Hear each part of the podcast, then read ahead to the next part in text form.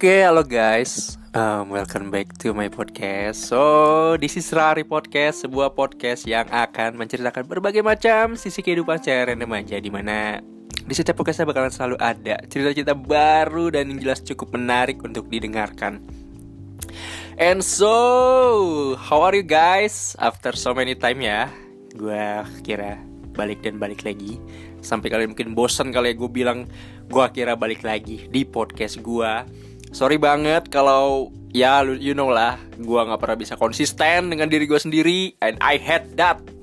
But kali ini gue uh, punya sedikit waktu untuk bikin podcast lagi di sela-sela kesibukan gue dan gue juga nggak sendirian kali ini gue ditemani sama teman-teman band gue ya kan uh, kita lagi sengaja kumpul. Mungkin sebelum kita mulai identifikasi suara dulu ya, biar dikenal yang yang pertama ada di sebelah kanan gue ada Mr. Adit. Halo bro, apa kabar bro? Sehat, alhamdulillah. Wih gila. Balik lagi nih, ya kan? Balik lagi ya after Balik so long lagi. time Setelah. Berapa purnama kita? Iya berapa purnama ya kita jarang kumpul ya. Asli, asli, asli. Sekarang udah mau akhir tahun nih kan. Kira-kira lo ada rencana apa nih tahun baru? Ya, PS lah. Masih dengan kehidupan yang sama ya sepertinya Masih ya. masih, iya sih memang ya mau gimana pun juga ya kehidupan juga seperti itu aja. Lalu lagi ada juga salah satu teman gue ya kan yang cukup famous ya kan sangat famous sekali. Anjay. Anjay. Yaitu ada Mr. Pras. Halo bro, apa kabar bro? Gila. Kalau gue nggak balik lagi emang di sini tinggal ya. Iya, kita kan selalu numpang ya kan di studio dia kan. betul, betul. Pras ini selalu mau apa mewadahi ya kan, mewadahi. Supaya, Nah, supaya silaturahim tetap terjaga. ya anjay. silaturahmi atau silaturahmi? Rahim. Oh silaturahim. Rahim. Ah, Oh beda ya. kalau silaturahmi? Sama aja sih. Nah, Sama gitu aja. Kalau lu punya teman namanya Rahmi itu Oh iya. cet, cet, cet. Set. Silaturahmi. Iya. Oh, iya. Kalau silaturahim, sirahim berarti ya. Betul. Hmm. Bertemu dengan si Rahim ya. Oke, em, masuk ke pembahasan kita di mana sebenarnya ini eh, pembahasan yang mungkin masih cukup panas untuk dibahas walaupun sudah berlalu, ya kan? Apalagi kalau bukan tentang Piala Dunia nih, Bro. Siapa sih yang nggak excited dengan yang namanya Piala Dunia? Hmm, Walaupun mungkin banyak banget nih kontroversi-kontroversi di dalamnya yang masih banyak jadi perdebatan oleh sebagian banyak orang. Kalau menurut pribadi nih, dari menurut lu pada, em, sebenarnya Piala Dunia kali ini tuh, lu tuh nilainya gimana sih? Kalau menurut lu bro? Gue, Hmm. hmm, gue nggak tahu ya kayaknya buat edisi 2022 ini, eh 2022 ini Piala Dunia kayak kurang hype gitu. Kurang hype. kurang hype kayak Gak karena mungkin karena diselenggaranya bulan Desember ya Iya Di tengah-tengah kompetisi. Iya sih, betul betul. biasanya kan betul betul. kompetisi libur Kompetisi di libur, iya. ya kira-kira Juli Juni Juli baru di Piala Dunia kan Baru biasa Piala. Dunia. dan lu kalau lu perhatiin banyak main yang cedera bro Gila sih, banyak sih. Gue juga nilainya kayak menurut gue ini ajang yang momennya tuh kurang pas sebenarnya. Kayak terlalu dipaksakan dan ya kasihan juga sih gue kelihatnya kayak ini yang jadi pemain-pemain sepak bola profesional tuh kayak wow effort banget nih kayaknya nih mereka buat ikut ajang ini menurut gue. Tapi tetap excited gitu buat di dilakukan gitu kan. Gue juga nilainya kayak sebenarnya sih momennya nggak pas ya dan terlalu bisa dibilang juga cukup memaksakan mungkin karena salah satunya itu efek pandemi yang sempat melanda kan yang akhirnya tuh sempat eh, mengacaukan jadwal-jadwal sepak bola dunia ya kan di Eropa di mana-mana ya kan yang akhirnya sampai yang Piala Eropa juga bergeser kan waktunya kan? Biasanya geser kan. Mungkin karena sebab itulah akhirnya dari FIFA memilih untuk memajukan jadwal. Gue sih ngerasanya kayak ini tuh jadi satu salah, salah satu strategi buat memperbaiki jadwal yang telah rusak kemarin. Nggak tahu ya apakah itu benar atau enggak tapi gue ngerasa kayak gitu sih kayak ya ya udahlah kita bikin ini eh, di waktu yang mepet yang penting nanti ke depannya itu jadwal bakal balik lagi ke semula gitu tapi tetap aja sih menurut gue eh, momennya kurang pas Iya kan gimana bung FIFA ini FIFA berapa? Gue ada FIFA. FIFA 20. FIFA 20 Iya sih. si anjing bukan FIFA 23 dah Oh bukan ya. Kalau misalkan apa namanya tahun ini ya 2022 memang bisa dibilang kurang hype seperti yang tadi si Mr. Iya. Adit bilang kan. Iya. Kalau zaman dulu nih ya, Gimana Piala? Dunia World Cup gitu kan. Aja. Gua kecil ada dulu kalau beli ciki kartu. Iya bener. Iya bener. Iya bener. Ngumpulin di dalam buku gitu. Terus Panini, panini. ada ada pemain-pemain yang rare, langka gitu. Iya betul betul Nanti betul. kalau sudah lengkap bukunya ditukerin sama apa gitu. Kalau dulu ada kayak gitu kan. Itu kan stiker book kan itu. Nah betul. Lu stiker. iya. Buku stikernya kalau sekarang kayak ya halo-halonya juga nggak ada gitu tiba-tiba. Iya betul. mulai betul. aja gitu. kan. Mulai aja Oh, ya. Mulai. Ya udah Gila final sih. sudah selesai gitu ya. Tapi sepengetahuan gue ya kenapa dia ada di Desember karena lokasinya bro, ini kan di Qatar. Oh, Yes. gitu ya. Karena Qatar kan kalau pas lagi summer tuh kan panas Iya, banget. bener. Emang dia kalau lagi Desember gini emang masa-masanya fase musim panas kah di sana? Eh, enggak dong. Enggak ya justru ya memang. Em, tetap sebenarnya sih mereka nyebutnya winter, cuma tetap Winter. ada matahari tapi suhunya lebih rendah. Iya, iya. Hmm, gila gue Biar bisa. rendah. adem rendahnya. gitu loh. Hmm. Rendahnya di- mereka kalau di Indonesia kan kalau bulan-bulan sekarang kan ada juga kita tuh sebenarnya banyak musim kan. Banyak. Kalau sekarang Banyak. lagi musim layangan kalau nggak salah. Agak dong, kan Agak. lagi hujan kayak musim rambutan Oh apa? rambut gimana iya sih? Di belakang juga pohon mangga gue lagi berbuah. Iya, Kan lagi tadi kita lagi lebat-lebat rambutan, ya. Hey. Oke, dilanjut. Bung Pras bisa aja nih. Gimana Bung Arif? Kalau menurut gue em, balik lagi sih salah satu faktor yang menjadi Apa balik lagi ketinggalan? Iya balik lagi ketinggalan bis gue kemarin. Ah. Hampir ya gue ketinggalan. Ada kereta. ini putaran depan. Iya ada putaran ya kan. Biasanya ada paugahnya tuh. Iya. Biasanya banyak banyak demo juga sih kemarin gue liat orang pada ngeblok jalan kan. Kenapa tuh? Oh, tahu blok gue. Marahan di blok. Iya udah di blok. iya jadi menurut gue tuh Piala Dunia Qatar itu sedikit mempengaruhi banyak pemain ya. Khususnya buat para pemain Eropa. Walaupun ya gue nilainya nih, walaupun pemain-pemain dari Amerika Latin ya kan, pemain dunia-dunia Asia yang notabene nggak asing lah dengan cuaca-cuaca seperti itu karena kan mungkin sedikit familiar juga untuk mereka. Tapi tetap kayak misalkan Argentina dan Brazil. Gue lihat tuh mereka kan iklimnya kan Amerika Latin. Nggak jauh beda juga lah walaupun tropis kan. Tapi mayoritas pemain mereka itu berkarir di Eropa dan mereka terbiasa dengan cuaca Eropa yang dingin di sana. Dan ketika mereka bermain di Qatar yang cuacanya mungkin walaupun kata orang-orang Qatar itu cuacanya nggak sepanas biasanya, tetap aja itu tuh berpengaruh banget, ya kan? Itu tuh berpengaruh banget buat mereka. Makanya kayak banyak kan pemain-pemain yang ngeluh akan cuaca panas di sana pada saat pemanasan, pada saat latihan. Ditambah lagi tuh yang paling berpengaruh di AC di stadion. Itu sering banget jadi berita kan, kontroversi karena katanya tuh AC di stadion itu justru malah mempengaruhi fisik para pemain. Banyak yang akhirnya pada jatuh sakit dan timbul gejala-gejala sakit demam gitu lah. Gue juga nggak paham itu kenapa. Emang ya? Iya, banyak beritanya. Jadi ada beberapa kayak uh, pemain Manchester United Anthony.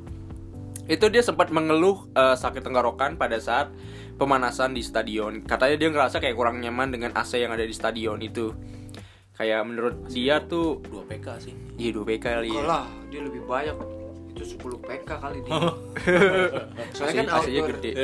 Mah itu mah kalau kata kita masuk angin itu orang. Iya, gue rasa sih mereka Iya. masuk angin sebenarnya Sumeng, Sumeng doang ya. Orang kaya bro nggak ngerti sumeng. iya, mereka nggak ngerti. contoh aja soal cuaca panas gitu ya, tapi dibikin dingin gitu Iya, kan. meriang lu. Iya, Iya, pertanyaan gue kalau mereka lagi ngalamin situasi kayak gitu, mereka kerokan nggak ya? Ah, minum tolak angin lah kali. Nggak, gue, gue kadang suka penasaran aja Mungkin ini receh ya Kayak apa sih metode pengobatan yang mereka lakukan gitu kan Lu tau nggak orang-orang bule tuh nggak nggak kenal kerokan sih. Kerokan cuma Iya pasti kan. Iya makanya Karena buat apa lu eh, meng- membuat mengiritasikan kulit itu sendiri dengan harapan angin akan keluar gitu. Iya Walaupun menurut penelitian dokter Tirta Itu tuh ada pengaruhnya Gitu ya. Iya Kemarin gue pernah sempat eh, baca ya kan tentang komentar dari dokter Tirta. Dia tuh mengakuin kalau kerokan itu tuh sedikit berpengaruh untuk menurunkan apa mengeluarkan angin dalam tubuh kita gitu lah kan. Jadi menurut gue itu cukup berefek. Sama sugesti kali ya. sugesti kali ya cuman gue nggak tahu udah motivasi mereka apa kalau mau ngelakuin itu. Iya Karena kan yang pengetahuan gue ya kerokan terus terms masuk angin gitu di dalam bahasa Inggris pun nggak ada. Gak ada Nggak ada. Apa kerokan? Lu translate. Nggak ada. Gak ada bro Gak Kalau kerokin, scratching. Eh, nggak ngerti juga. Nggak ada. Nggak Kalau ada kalau di Jepang ada istilah masuk angin ada. gitu. Iya. Emang kalau di Ing- bahasa Inggris nggak ada. Makanya nggak ada. Iya emang gak ada ya Dan juga kan sempat juga kan tuh sebelum gelaran Piala Dunia kan sempat tersebar isu-isu dan apa buru-buru di sana ya kan ya lu tau lah ya kan pekerja paksa gitu gue nggak tahu deh tuh kontroversi kayak gituan Piala Dunia dan segala Kenapa dia buru-buru? hmm, dia buru-buru Nggak mau ketinggalan. nggak mau ketinggalan Tadi kan ketinggalan. ya? ketinggalan tuh Puter balik. Oh, nah, ini buru-buru. Buru-buru. sekarang. buru-buru sekarang. Nah, ngomongin tentang Piala Dunia, banyak yang udah memprediksi satu tim yang digadang-gadang bakal juara dan akhirnya bener. Iya. Gue udah sering banget ngomong sama teman-teman gue ya kan, yang sesama pecinta sepak bola. Banyak kan gue sering nanya kayak, bro lu di Piala Dunia ini kira-kira lu suges siapa nih yang bakal juara? Dan mayoritas tuh menjawab Argentina. Gue sendiri pun ngerasa kayak gue pendukung Argentina memang walaupun gue menilai Argentina di awal-awal permainannya nggak banget karena mungkin satu mereka nggak terbiasa dengan iklim dan cuaca di sana dan menurut gue ya em, ya permainannya masih belum matang aja sih Gue tahu tuh kenapa di awal nah itu Argentina. Where is Messi? Where is Messi? Ah, iya, benar Ah. Messi. Where is Messi? Bener kan? betul Waktu lawan apa? Saudi. Saudi Arabia. Saudi Eh, ujung-ujungnya Saudi yang gak lolos. Iya. iya ujung juga Saudi yang nggak lolos Itu hype di awal. Iya, bahkan pada saat eh, Saudi Arabia menang lawan Argentina itu tuh sampai warga Arab bikin perayaan besar-besaran loh Iya. Oh, iya iya iya. iya. serasa mereka menang Piala Dunia gitu wah gokil sih kata gue mungkin pada saat itu mereka eh, mendeklarkan hari nasional kali ya libur Bisa nasional itu bisa jadi tuh Pencapaian lah ya. pencapaian kan Kapan lagi kan? iya padahal yang menurut gue jadi apre- apresiasi itu ya Maroko sih kalau kata gue Eh, jangan. gila sih underdog banget itu. Nggak sehat. Iya. iya bener sih ngerokok Oh, bener Iya, bener. Di mana Maroko itu jadi salah satu tim yang sebenarnya tuh nggak diperhitungkan sama sekali Nggak ada. nggak ada yang memper- memperhitungkan dia Underdog lah ya. Karena Underdog gila somehow di setiap edisi Piala Dunia tuh nggak ada yang pernah memperhitungkan wakil-wakil Afrika. Gitu. Betul, betul. Dari dulu emang nggak ada yang Kalaupun gini. ada paling ya standar Ghana, Kamerun, Niger, Nigeria Hmm. maksud gua gitu. Tiba-tiba ini muncul si Maroko. Wow, Oh. Gila lu udah semi- dilarang ya di mana-mana ya. parah. Ya kan? Maroko di tuh di mana-mana gol. dilarang, di SPBU ya kan. Dilarang bener. Di ruangan Karena bisa menyebabkan kebakaran gila. Karena bisa dia bisa sampai semifinal like what?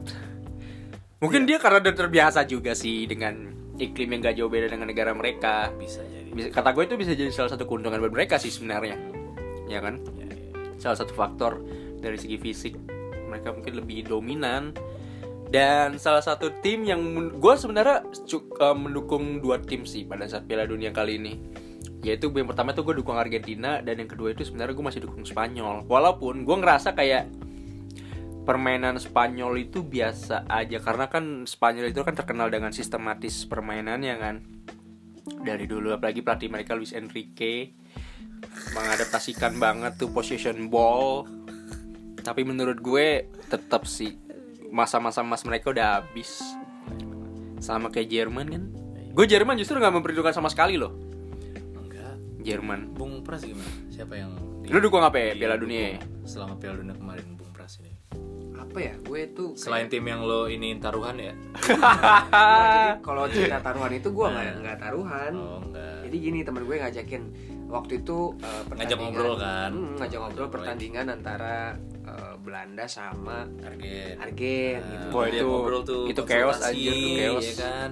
Tiba-tiba dia ngomong, ayo Bu- ayo Puy gitu, Puyuh gitu kan gue dipanggil Puyuh. Ayo Iya. Puy, eh, Belanda Argen, gue megang Belanda deh. Ya gue nggak megang apa-apa dong gitu Iya. kan. Iya, Oh, betul, ya betul. oh ya udah ayo gitu, berarti gue Argen nih. Gitu. Iya. Ye, yaudah deh segini segini wah, ya udah boleh. tuh apa gitu. segini? Ya maksudnya dia dia nawarin nominal, "Ih, kita Nominal. bertaruh segini nih. Gitu. Oh, lu judi. Bukan judi, sama dong kira-kira tuh namanya tuh kalau bukan judi Ih, itu traktir makan. Oh, traktir makan. Traktir Oke, oke, oke. Puy. Masuk, Iya, masuk. Kalau misalkan kalah, kita traktir makan aja deh, oke. Boleh. gitu. Boleh, boleh, boleh. Segini ya gitu, oke. Sejumlah.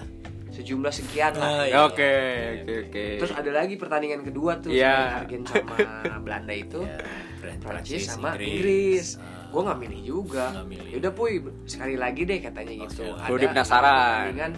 Itu satu waktu, di, satu waktu diajakin dua kali. Gitu. Sekali lagi deh gitu. Agak-agak gila, adiktif gila. ya Anda ya. eh puy satu lagi nih puy sekalian Prancis Inggris gitu Hmm. gue Inggris deh ya udah gue nggak nggak megang dong Nggak megang. Berarti gue Prancis ya Nah, berarti oke lo gitu ya. istilahnya lo tuh dicemplungin Ah, gitu Iya lah. iya iya. gue ini lo ini gitu lo Bener, dipaksain bener Iya. ya kan terus tiba-tiba ya udah dua-duanya menang dong gue Iya. diam-diam aja kan Iya, gitu iya, iya. Ya, intinya menang lah gitu Menang. tapi bukan dijagokan ya berarti Mm. gue tidak menjago menjagokan siapa saja karena Indonesia nggak main ah, Ah. gila gila gila Iya, punya kan? Indonesia sekarang nggak main gitu. Gue nggak tahu sih kapan fasenya Indonesia bisa ke Piala Dunia. jadi yang kemarin lo menang gimana tuh pas lo menang sama Akhirnya gimana tuh akhirnya tuh Akhirnya ceritanya gimana tuh tuh? waktu itu lu dia menang. nyamperin langsung ya puy kalah puy gue sama Iya, lu gitu. terus dan lu mau makan apa bilang aja Ah, gitu Idi. Temen lo baik banget gue kan rendah hati ya. Iya bener. Nggak usah repot-repot lah. Iya iya. Iya. Masih repot-repot mentahan ya aja itu maksudnya itu tahu banget gua. arahnya Gue tahu banget buntutnya anjir. Bung Puy, bagaimana Bung Puy? kan lumayan dua pertandingan Iya lumayan itu. Lumayan lah. itu salah satu euforia lah Iya, maksudnya mah dicemplungin itu mah Iya, bukan judi ya. Bukan lah, bukan lah. Nggak ada taruhan itu. Gak Nggak ada, itu itu. kan Kan traktir dia- makan dong Betul. Kan biasanya kan kalau judi itu kan adu gengsi bro. Iya ada ada ada adu gengsinya itu kayak gitu. tapi ngomongin Kan enggak. judi itu banyak ya katanya ya maksudnya teman-teman pertimbangannya jauh salah gitu loh tebakan-tebakan Ah, itu Salah dari- lolos cuy. itu iya itu kan dia kan di Liverpool Mesir. Mesir, Oh, Mesir ya, salah Mesir ya. Iya benar kalau. Iya, ini benar. Maksud Ya, maksudnya kayak perjudian ya memang ada lah mungkin tapi Ada, kan nggak kelihatan terus banyak omongan kayak ah, tebakan-tebakannya pada salah pada rugi bandar dan lain-lain ibaratnya gitu kan Nggak ada itu mah di kita mah. kita nggak ada Negeri Nggak sebelah. ada cuma negeri betul. sebelah. Sebelah. Tapi maksud gue tuh kayak hal seperti itu udah sa- udah jadi satu hal yang melekat dari dulu sih kalau kata gue. Iya, Dari dulu emang selalu ada aja begini gitu. pastilah Pasti. ya, ya lu juga nggak nggak inilah Nggak memungkiri lah mungkin. setidaknya kalau misalkan nggak judi ya seenggaknya tampol-tampolan lah Nggak ada. Oh, chaos, ada. chaos gila. Nggak ada lu ngapain tabel-tabel. salah dong gue ya Iya iya iya. Iya kan. Terus ngomongin tentang eh, Piala Dunia, ini juga jadi salah satu ajang Piala Dunia mungkin yang terakhir buat dua mega bintang dunia kita ya kan. Lionel Messi versus Cristiano Ronaldo. Oh, iya, Gondil bener ya, ya, betul. usianya sudah ini Usianya udah fase-fase udah masuk pensiun mungkin ya. Gue ngerasa kayak em, per- apa persaingan CR dan juga Messi ini jomplang. oh CR celurit Enggak. Celurit, iya. maksudnya apa CR Cristiano Oh, Ronaldo. Cristiano Ronaldo. Jomplang. Kenapa gue bilang gitu? Karena gue melihat dari perjalanan karir mereka belakangan ini itu tuh berbeda banget. Messi di PSG karirnya justru di musim keduanya mulai naik. Udah mulai ada peningkatan dan mulai ada eh, Messi udah mulai bisa beradaptasi dengan gaya permainan PSG. Sedangkan Ronaldo di Manchester United justru bikin kontroversial dan bikin masalah. Iya dia sempet eh, yang terakhir tuh dipecat lah gitu ya. bukan bi- Oh, nggak bukan dipecat dia bikin kontroversi eh, dengan siapa sih komentator gue. Morgan. Piers Morgan ya Kan?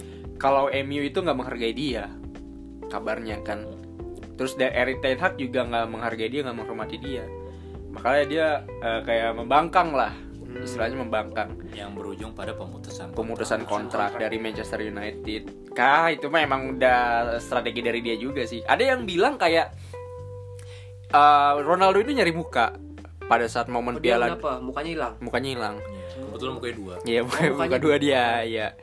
Ronaldo ini tuh sebenarnya lagi eh, cari muka. Dia tuh sengaja bikin komentar kayak gitu pada saat mau masuk momen Piala Dunia dengan harapan dia bisa nunjukin diri dia hebat, ya kan, pada saat momen Piala Dunia terus dilirik sama klub Eropa. Makanya dia sengaja bikin eh, momen kontroversi itu karena dia mungkin udah bisa menilai, eh, ini saat yang tepat buat gue buktiin kalau masa gue tuh belum habis. Masa gue tuh belum habis. Ya kayak dia kayak pede banget gitu kan pas uh, momen Piala Dunia tuh dia uh, sumbar ngomong kayak gitu ya kan. Tapi nyatanya justru Piala Dunia kali ini dia sama sekali nggak bersinar sih kata gue. Kurang ya justru malah malah ketidakhadiran dia malah jadi satu keuntungan buat timnas Portugal Oh gitu. Iya karena uh, strateginya lebih jalan, lebih ngalir aja gitu, nggak bertumbuk dengan satu pemain. Pada saat Ronaldo masuk tuh permainan tuh bertumbuh dengan satu pemain dengan Ronaldo doang yang di depan. Jadi kayak kreativitasnya tuh kurang. Berarti kesian ya Portugal ya. Kasihan. Portugal tuh nggak eliminasi sama siapa sih? Maroko. Oh, Iya. Underdog justru kan kalahnya satu kosong Iya, bro. benar-benar. Kalah dia sama Maroko. Ya sedih juga maksudnya ya secara secara persaingan kayak Messi Ronaldo kan harusnya Iya. berimbang lah setidaknya ketemu di perempat Iya, final gue sebenarnya ngarep Apalagi- ketemu mereka di final sih, cuman ya gue juga nggak expect sih Portugal dari awal. Yang nggak gue expect tuh kayak Portugal, Jer- Jerman apalagi ya, Brazil, malah bro Brazil tuh nggak gue Brazil tetap enggak.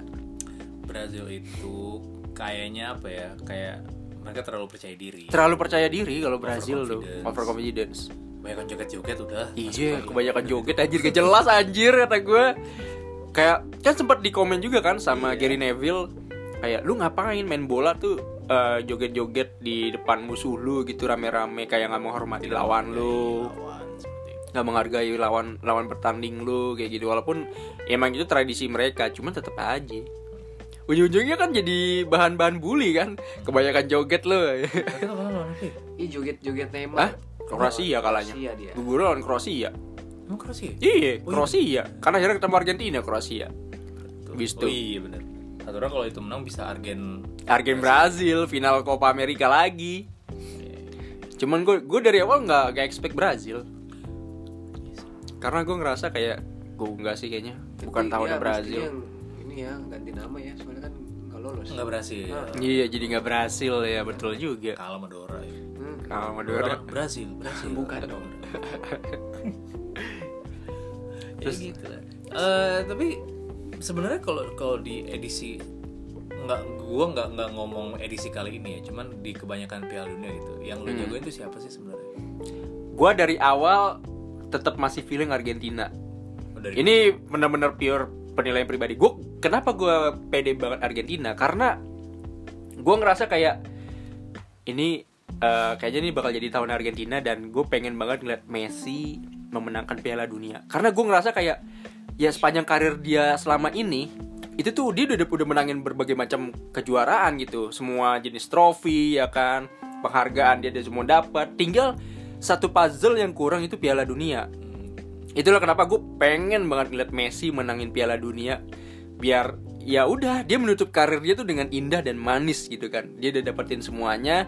Dan dia tinggal pensiun bahagia dan bakal dikenang oleh seluruh dunia. Menurut gue itu udah udah manis banget sih Messi. Kurang tuh apa itu? Eh, Piala Dunia. Akhiratnya enggak. Nah, iya benar juga ya.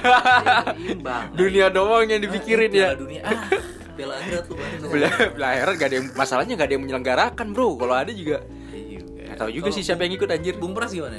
Maksudnya di di Piala Dunia edisi-edisi sebelumnya gitu. lu lu punya tim favorit gak sih Nggak kalau nggak gini deh. Piala Dunia yang pertama kali lu tonton tuh apa? ya? Tahun berapa Gue kali? lupa gue kayak euforianya aja sih sebenarnya yang gue ikutin gitu dari dulu dulu gitu kan sering banget tuh kayak stiker buku lah terus apa ya kostum jersey lah gitu kan beli dan Oh, kostum jersey. Ya, Iya, iya, iya, betul, betul. gitu cuman kalau untuk eh, negara mana yang gue dukung ya Nggak ada. bukan nggak ada gitu ya udah se sejalannya aja hype-nya betul aja. Lebih hype-nya aja ya, ikut memeriahkan ya. karena kan kadang ya mungkin saking hype-nya kita dukung negara satu dan yang lain suka berantem lah gitu kata-kataan lah ada juga Ada ada. ada. Dulu begitu, emang banyak kan gue begitu. sih mana aja lah gitu yang penting yang penting seru aja gitu Hmm. Gue tuh dari dulu tuh mungkin karena pengaruh bokap ya. Gue selalu dukung Belanda sih. Oh, Belanda. parah lu Cuman makin ke sini kok gue liat mainannya makin anta ya. Hmm. Gitu loh. parah lu padahal Belanda dulu nggak dukung Kayaknya strategi strategi Vanggal tuh kayak Ya gitu gitu-gitu doang ya. Iya. Gue juga nilainya kayak Nggak greget kurang aja gitu. nggak greget. Nggak segerget waktu zaman zamannya masih ada ya kayak Van Persie. Van Persie, Arjen Robben, anjir tuh mantep tuh gila tuh gigit banget. Kalau sekarang tuh kayak gue liat mainnya ah lagi gini-gini doang. Iya gitu, Hai. terlalu pragmatif anjir. Jadi bener-bener nganderin luck gitu loh. Iya nganderin luck doang. Lak-lakan. Iya. ya paling Van Dijk ya Van- Van Dijk siapa? Eh, Virgil van Dijk. Oh Van aduh Sama ini cuy belakangnya Van der Wijk apa ya? zaman dulu ya Kapal gitu. Kapal bukan itu mah tenggelamnya kapal Van der Wijk beda dong mentang-mentang Belanda ya tapi setiap negara tuh suka ada ini loh gue merhatikan tuh nama-nama pemainnya unik gitu kan Iya. Juga Belanda ada Van Van gitu kan Van Wijk Van Hmm. Van Persie dan lain-lain Hmm. terus Kroasia ya kan Perisic Giggs. Bak gitu. eh lu nggak tahu pemain Maroko ada yang namanya Allah ah bukan itu Ata Allah iya depan gua ngomongnya gitu anjir namanya namanya Allah ya dibilang Allah kata titik Allah gitu. Kata gue, oh iya beneran ada. Ya, terus eh, di di apa namanya di Eh, sangkut-sangkut. itu kan lu yang ngomong ya? Iya, gue yang Iya, ngomong gue kita nginep di rumah dia kan. Dia, dia, lu lu lu tahu kan? Dia ngomong ke gue. Dia namanya Allah di. Terus Gue dia gak percaya, gue gak percaya. Masa sih nggak boleh? Gak gak Terus percaya dia- anjir, kagak boleh anjir orang pakai nama Terus Tuhan. pas banget di highlight di TV. Tuh lu lihat sendiri. Namanya bener, namanya Atta Di- Allah dia. Beneran ada anjir kata gue. Gue gak ngerti motivasinya apa dia. Sama kayak ini kalau ngomongin nama, lu yang pas line up Korsel, Korsel lawan apa gue lupa. Ah, iya, Kiper iya, sama iya. empat back kan nama Kim semua. Nah, gue kesian sama komentatornya. Kim Kim Kim Kim Kim. Coba lu bayangin komentator nih, ya kan?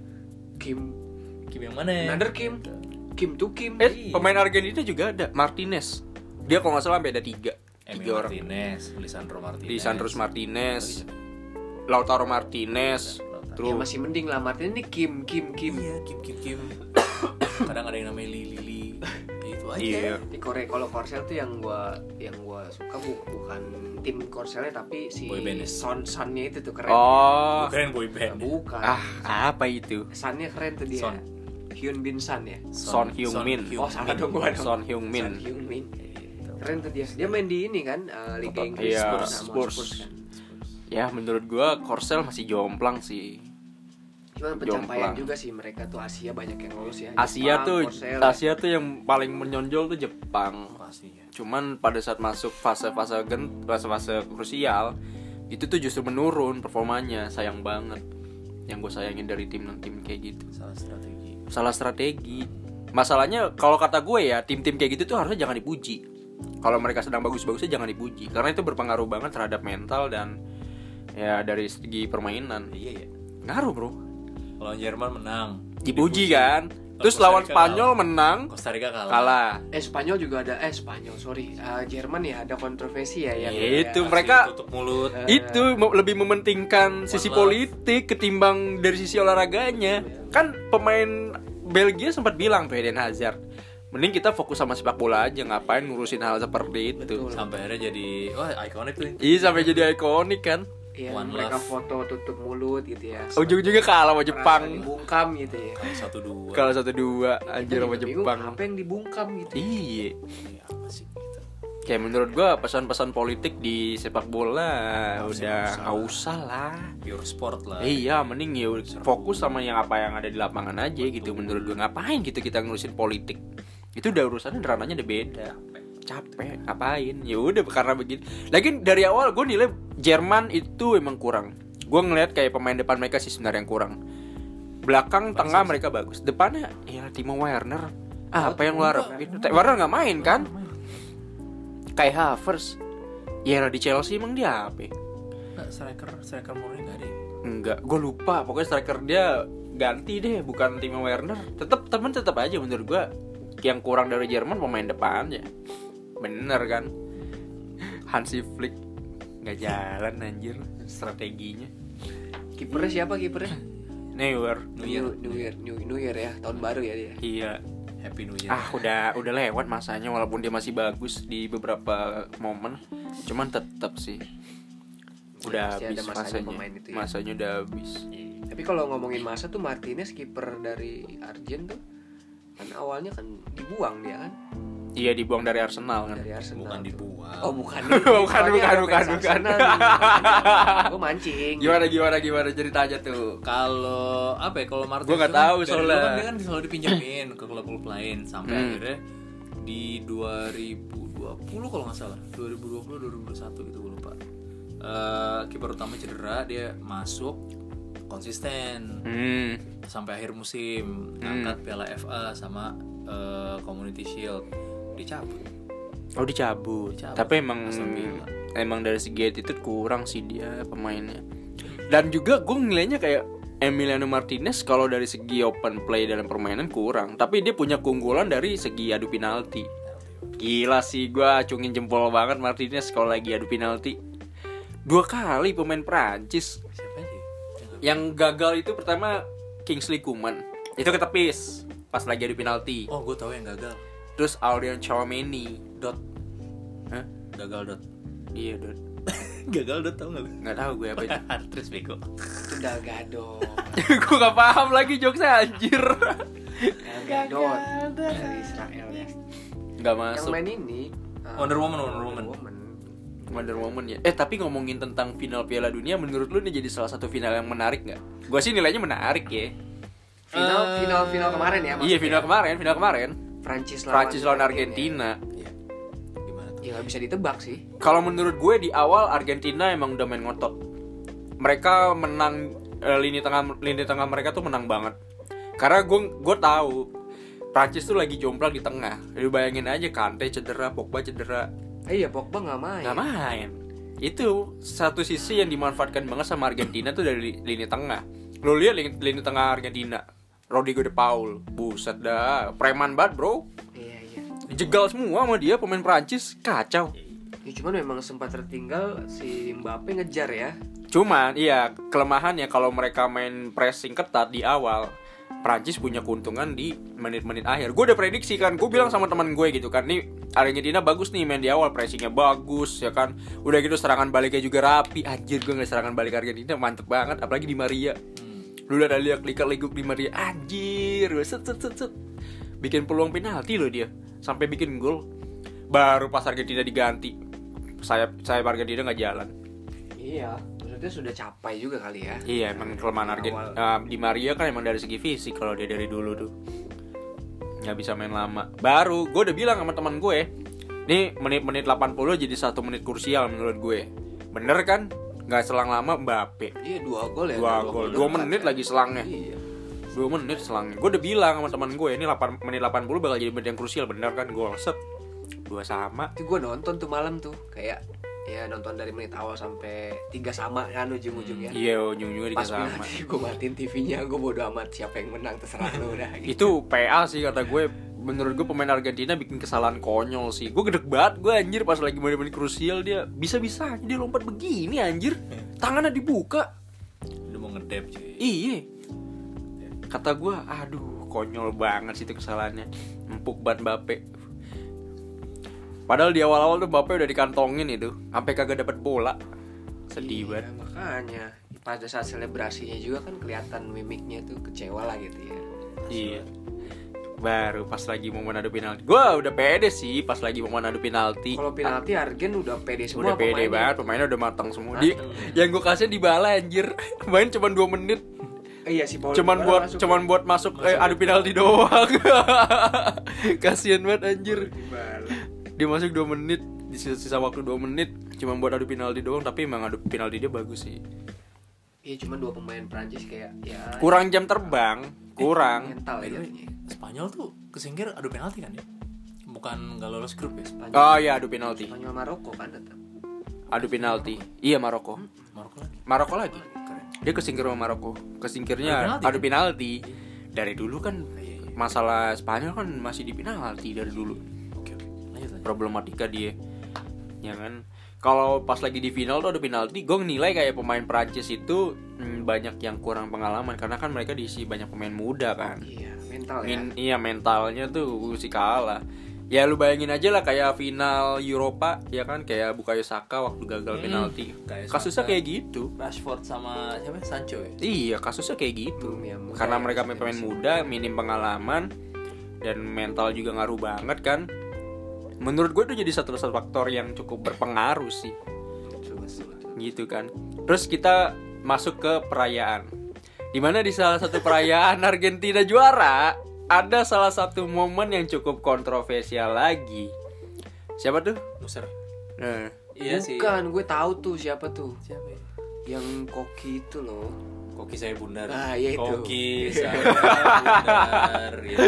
Suka gini yang suka Iya, apa ya, yang Gini suka tuh apa? nabur-nabur Ini audio, nggak ada yang Nggak lihat. ada nggak ada yang tahu Iya, anjir. ya. Nah, Tahu kan jelasin. Iya. Gitu. Namanya siapa? ya? Dia itu siapa sih? Gue gue sumpah gue nggak ngikutin nih orang loh. Salpe. Oh, salah. Gue. Salpe itu kan si gerakannya yang dia naburin garam. Oh, Tapi cuman lu punya- Loser, loser siapa itu? Orang Oh, namanya si Nusar. Orang Turki ya katanya di di mana dia sempet terlihat ikut perayaan kejuara apa perayaan juara Argentina. pada saat momen Piala Dunia. Kamu tadi undang. Tamu tadi undang. Tiba-tiba masuk. Tiba-tiba masuk. Eh tapi sebelum itu juga ada juga kan kayak Kun Aguero tiba-tiba dia ikut merayakan Piala Dunia anjir tuh gokil kan sih. Kun Aguero termasuk jajaran staffnya. Oh dia masuk staff ya ternyata ya. oh gue nggak gue nggak perhatiin official tuh. bagaimana gitu sama kayak si siapa? ya? Batistuta kan ada di situ Batistuta. Oh dia juga ya? Ada. Anjir iya. Kalau kalau Aguero sih gue masih memaklumi lah karena kan dia juga bagian dari tim itu juga.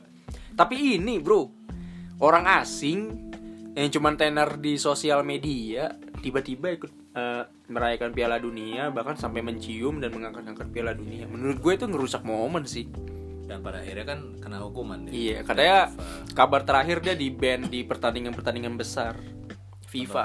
Tarkam ya. Hmm, Tarkam. Kalau di Indonesia namanya Tarkam. Persacil. Persatuan sepak bola Ciliwung tahu. Gue gak tahu Iya, tuh. Persacil ada. Gue gak tahu tuh gila. Persacil. Enggak boleh datang seruser ngapain? Iya ngapain anjir Di band itu dia. sama persacil aja di band Ke main di Stadion Merpati di band lu nggak boleh masuk nggak boleh masuk anjir Iya memang merusak momen sih. Mungkin eh, akan lebih baik dan lebih bijak ya kalau diserahkan langsung ke eh, tim Argentina dan eh, teman-temannya dan yang lainnya itu kan. Tiba-tiba masuk siapa dia gitu kan. Terus sempat lihat video tuh kalau Messi dia nyu, di apa nyuekin dia gitu kan. Diajak salaman. Itu mungkin lu belum lihat. Ada videonya kayak diajak salaman, diajak apa gitu, dicuekin gitu sama Messi gitu. Ya bener sih. Maksudnya. bener lah lu Ya, siapa, anjir kamu gitu ya kan. Menurut Ini gue tuh momen-momen merusak tim Mau kita tolong lengkap ini. ya? Ini dia tayangan. Nah ini dia ya, coba saksikan. Atau bisa diklik link bawah nih kan. Nah, iya. iya benar ntar ada susah lo ngeditnya lo gitu. Klik tautan. Nah. Nah, tautan. klik, klik tautan di bawah ya Iya, menurut gue emang ngerusak sih nggak jelas dan mikirnya berimbas nggak tahu mungkin saat ini dia sedang dibully sama netizen kita kan tahu sendiri kalau bully pastilah, cuman ya kayak apa sih hukuman yang bener-bener dia dapat tuh mungkin masih ini ya mengawang-awang gitu ya. Masih Nah, mengawang-awang ya. Dapat hubungan Ya nggak itulah hukumannya. Ban. di banned Banned itu ya. di banned akhirnya di banned FIFA Nggak boleh hadir ke pertandingan pertandingan besar iya pertandingan resmi FIFA dilarang? Eh, nggak tahu pertandingan resmi atau eh, turnamen turnamen skala turnamen gitu. Ya kalau pesacil gua bodo amat dia juga. iya Di ngapain juga anjir Persacil. Iya. Persacil yang di ban. ngapain nih orang-orang main bola? Gitu.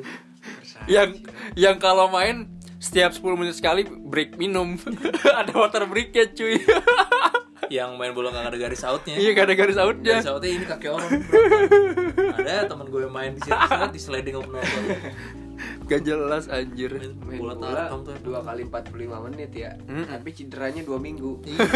Enggak encok anjir udah ada kayak gitu biasanya Sama ini pakai ini parem. Iya Parem kocok aja. Pada asam urat ya Gi, udahannya Udahannya pada asam urat Jelek banget Ya gitulah. Terus keseruan-keseruan. ngomongin tentang eh, Piala Dunia Menurut lu sah gak sih atau tepat gak sih julukan The God buat Lionel Messi yang udah berhasil memenangkan Piala Dunia. Karena menurut gue kayak ini udah jadi salah satu eh, ajang yang bener-bener ditunggu banget sama dia kan. Momen yang pas banget buat dia. Karena setelah ini apalagi yang dia cari gitu. Ya itulah keseimbangan piala akhir. Akhirat ya Masih ditanya lagi. Masih ditanya lagi Apalagi yang dia cari. Apalagi yang dibahas dunia. Oke lah, sudah lengkap belum? Belum ya belum ya Dunia itu harus berimbang dengan akhirat. Oh iya betul juga ya Sementara. Dunia sementara ya Dia boleh dapat Piala Dunia, hmm. tapi dia dapat gak Piala akhirat? Ah, gila itu Praspuyu 2022 Gus Pras. Bung Pras Motivasi kalau udah mau tahun 2023. Ah, betul, betul, Betul betul betul Terus setelah kejadian itu banyak netizen yang pada akhirnya eh, membuli ya kan Ronaldo di sosial media gitu kan Kenapa dia dibully? Kenapa dia dibully? karena ya kalah saing dengan Messi akhirnya Messi bisa menggapai Piala Dunia sedangkan CR membawa masalah Kesian ya, udah kalah dibully ya. Iya udah kalah nggak punya tim Apa yang lebih kesian lagi? Kenapa tuh? Nasi. Nasi kebuli. Ya. oh nasi kebuli mantap. Jiwa. Gila, itu gila Orang nggak ngapa-ngapain bikin orang kenyang masih dibully. Aduh, parah. tapi anehnya sampai saat ini masih banyak fans-fans garis keras Ronaldo tuh yang eh, membangga-banggakan banget gitu kan Hmm, Masing-masing kali ya. Iya, per- kayak hashtag percuma Piala Dunia tapi nggak pernah berkunjung ke Aceh. Apa hubungannya? Gue emang deh. Gue ada lihat komennya. Oh. Oh, Jadi tuh ada mungkin- banyak banget fans-fans Ronaldo. sama anak dia yang Iya, eh, sempat diadopsi Iya kata gue, dari Aceh itu ya kan. kata gue, anjir ini apa hubungannya juara Piala Tapi Dunia nggak tahu gitu Messi kan? pernah ke ini Ke mana ke tuh? Ulu Jami. Lu ya. Jami masjid dong. Bukan. Oh kirain. Ulu Jami Bintaro sana dikit. Kalau di samping gua ada Ulul Jami, eh Ulul Abab. Ulu apa? Masjid. Iya, ya Ulu Jami. Dan juga salah satu kontroversinya kan banyak yang bilang kalau Argentina juara itu udah disetting. Gue sih percaya itu. Hmm, kenapa tuh lu bisa percaya itu? Ya nggak tahu, gue ada hanca aja. Maksudnya dari alur pertandingan Piala Dunia tuh kayak apalagi pas di final gitu, yang Hmm. pas penalti pertama Hmm. Argen, ya kan. Maksudnya nggak ada VAR check, terus juga eh, kayak semuanya bungkam aja gitu, pemain Prancis nggak ada yang protes kayak ya anjir settingan banget gitu gitu. Gue sempet nge-tweet gitu dan di Hmm. Twitter juga kan rame Hmm, gitu. rame ya. Nah, cuma mungkin pada akhirnya eh, oke gol kedua gue akui sangat keren Keren sih itu di Maria anjir kelas terus kelas. pada akhirnya mungkin gue nggak tahu apa yang terjadi di belakang jadi biar di final dibikin seru gitu. Hmm. buat nutupin kesalahan si gol pertama. Akhirnya equalizer lah si Mbappe jadi dua-dua masuk ke perpanjangan gitu. Karena nggak tahu sih gue selama ini selalu pikir bahwa Messi tuh anak masa FIFA. Iya. anak masa FIFA dan UEFA. Gitu. Jadi apa pun ya udah dikasih aja gitu. Ya terserah nih. Abis ini gue boleh dibully. Ya boleh lah. Boleh. Dibully sama fans Messi ya. boleh Messi FC Messi FC. Kalau gue sih masih 50-50 sih ya Walaupun gue jujur gue sejauh ini gue nggak banyak nonton Piala Dunia Karena akan kesibukan gue sendiri kan Jadi aduh gue jarang banget nih nonton. Tapi pas final gue nyempetin lah akhirnya nonton.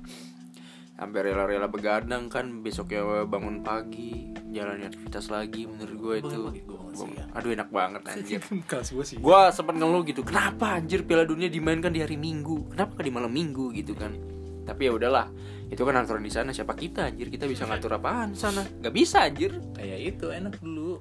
Eh, apa Piala Dunia 2002 oh 2002 Korea Jepang sore-sore udah main. Sore-sore dia main. Eh bukannya di Qatar juga? Kan awal-awal kan Argentina main jam 5 iya pertandingan dulu kan paling malam itu jam 8 kita. Oh iya bener bener itu bener. jam 8 itu lupa. Itu yang zaman zamannya masih digelar di Asia ya? Kalau waktu-waktu Asia begitu tuh. Iya, sekarang sekarang kemarin kayak jam 2 subuh gitu ya. jam 2 subuh. Mulai jam 2 subuh ya jam 10 nah edisi selanjutnya Piala Dunia 2006 Eh, 2026 2002. 2006 lu ngapain? 2006. 2006 Itali udah juara bro. Iya, Itali udah juara. Balik lagi dong. 2026 tuh hostnya ada tiga negara USA Meksiko sama Kanada. Sama Oh, Kanada. gitu ya? iya ada tiga Ah, tiga dan- negara. dan jumlah pesertanya jadi 48 wah gila nah sih menurut lo siapa nih ke depannya? Indonesia sih. Indonesia sih. Indonesia sih. Oh, udah 48 nggak masuk juga kebangetan bangetan sih udah 48 loh. Masa iya sih Indonesia nggak masuk Yang masuk nggak apa-apa lah, cuman kalau kalah di awal pun nggak Nah. apa-apa gitu. 2026 lo menurut tuh Messi sama Ronaldo masih main gak di situ? Enggak Ronaldo, udah, 41. fix. Eh Bisa. nggak, udah udah iya 41 dia nanti di situ. Tapi 41 sekelas Zlatan Ibrahimovic masih main loh. tuh, masih bisa lah Messi tergantung. 39 nah. Kalau menurut gue tergantung dari motivasi balik lagi dari motivasi pemainnya gitu. Atau mungkin ada ada calon-calon god baru gitu Kebanyakan sih yang gue lihat sekarang ini tuh jadi salah satu momen buat Kylian Mbappe lah. Banyak ya yang gue lihat bertebaran di luar sana tuh kayak mereka banyak yang menganggap ini tuh jadi satu momen terbaik buat Kylian Mbappe. Wah, eranya Kylian Mbappe. Cuman gue belum tahu yang bakal jadi pesaingnya siapa. Karena nggak mungkin Erling Haaland. Erling Haaland di Norwegia dia salahnya kalau di Norwegia nggak ada support yang bisa menunjang dia, mendukung dia. Martin Odegaard lo pikir nggak bagus Ya tetep bro. gue bro Iya, gue paham dia bagus. Cuman tetap keseluruhan secara tim Iya. kurang. Jadi menurut gue Haaland bukan pesaing buat Mbappe di Piala Dunia. Buat di kancah Tapi Tapi Norway nggak internasional. masuk ya, Norway belum masuk. Ya? kemarin nggak masuk Enggak, enggak masuk. tapi mungkin level klub ya Level klub mungkin gue pede, gue masih pede. Iya. Persaingan Haaland dan Mbappe. Cuman kalau untuk internasional, Haaland nggak masuk hitungan sih. Gue masih belum tahu kira-kira siapa yang bakal jadi pesaing Mbappe di Piala Dunia nanti. Subasa kayaknya Subasa ya. Ah, Subatsa, Subasa ya. itu dari tahun ke tahun ya Subasa lagi Subasa Subasa lagi, Subasa Di lagi. sema- kemarin itu Jepang sempat di ini ya ibarat-ibaratkan ini ya. Iya karena kan ada, Iya, ada dua, iya. dua anime yang lagi yang satu Subasa oke lah kita udah tahu. Yang satu lagi Blue Lock itu Blue lo Lock. Oh dia nggak pernah mandi ya berarti ya. Itu buluk. Buluk si Buluk. Itu si buluk itu Iwan Buluk. Ya. Ya begitulah. Ah, habis ini gue dicari lagi. Gitu. Hati nih gue pulang dicari nih. Sekarang. Bahaya ya sekarang.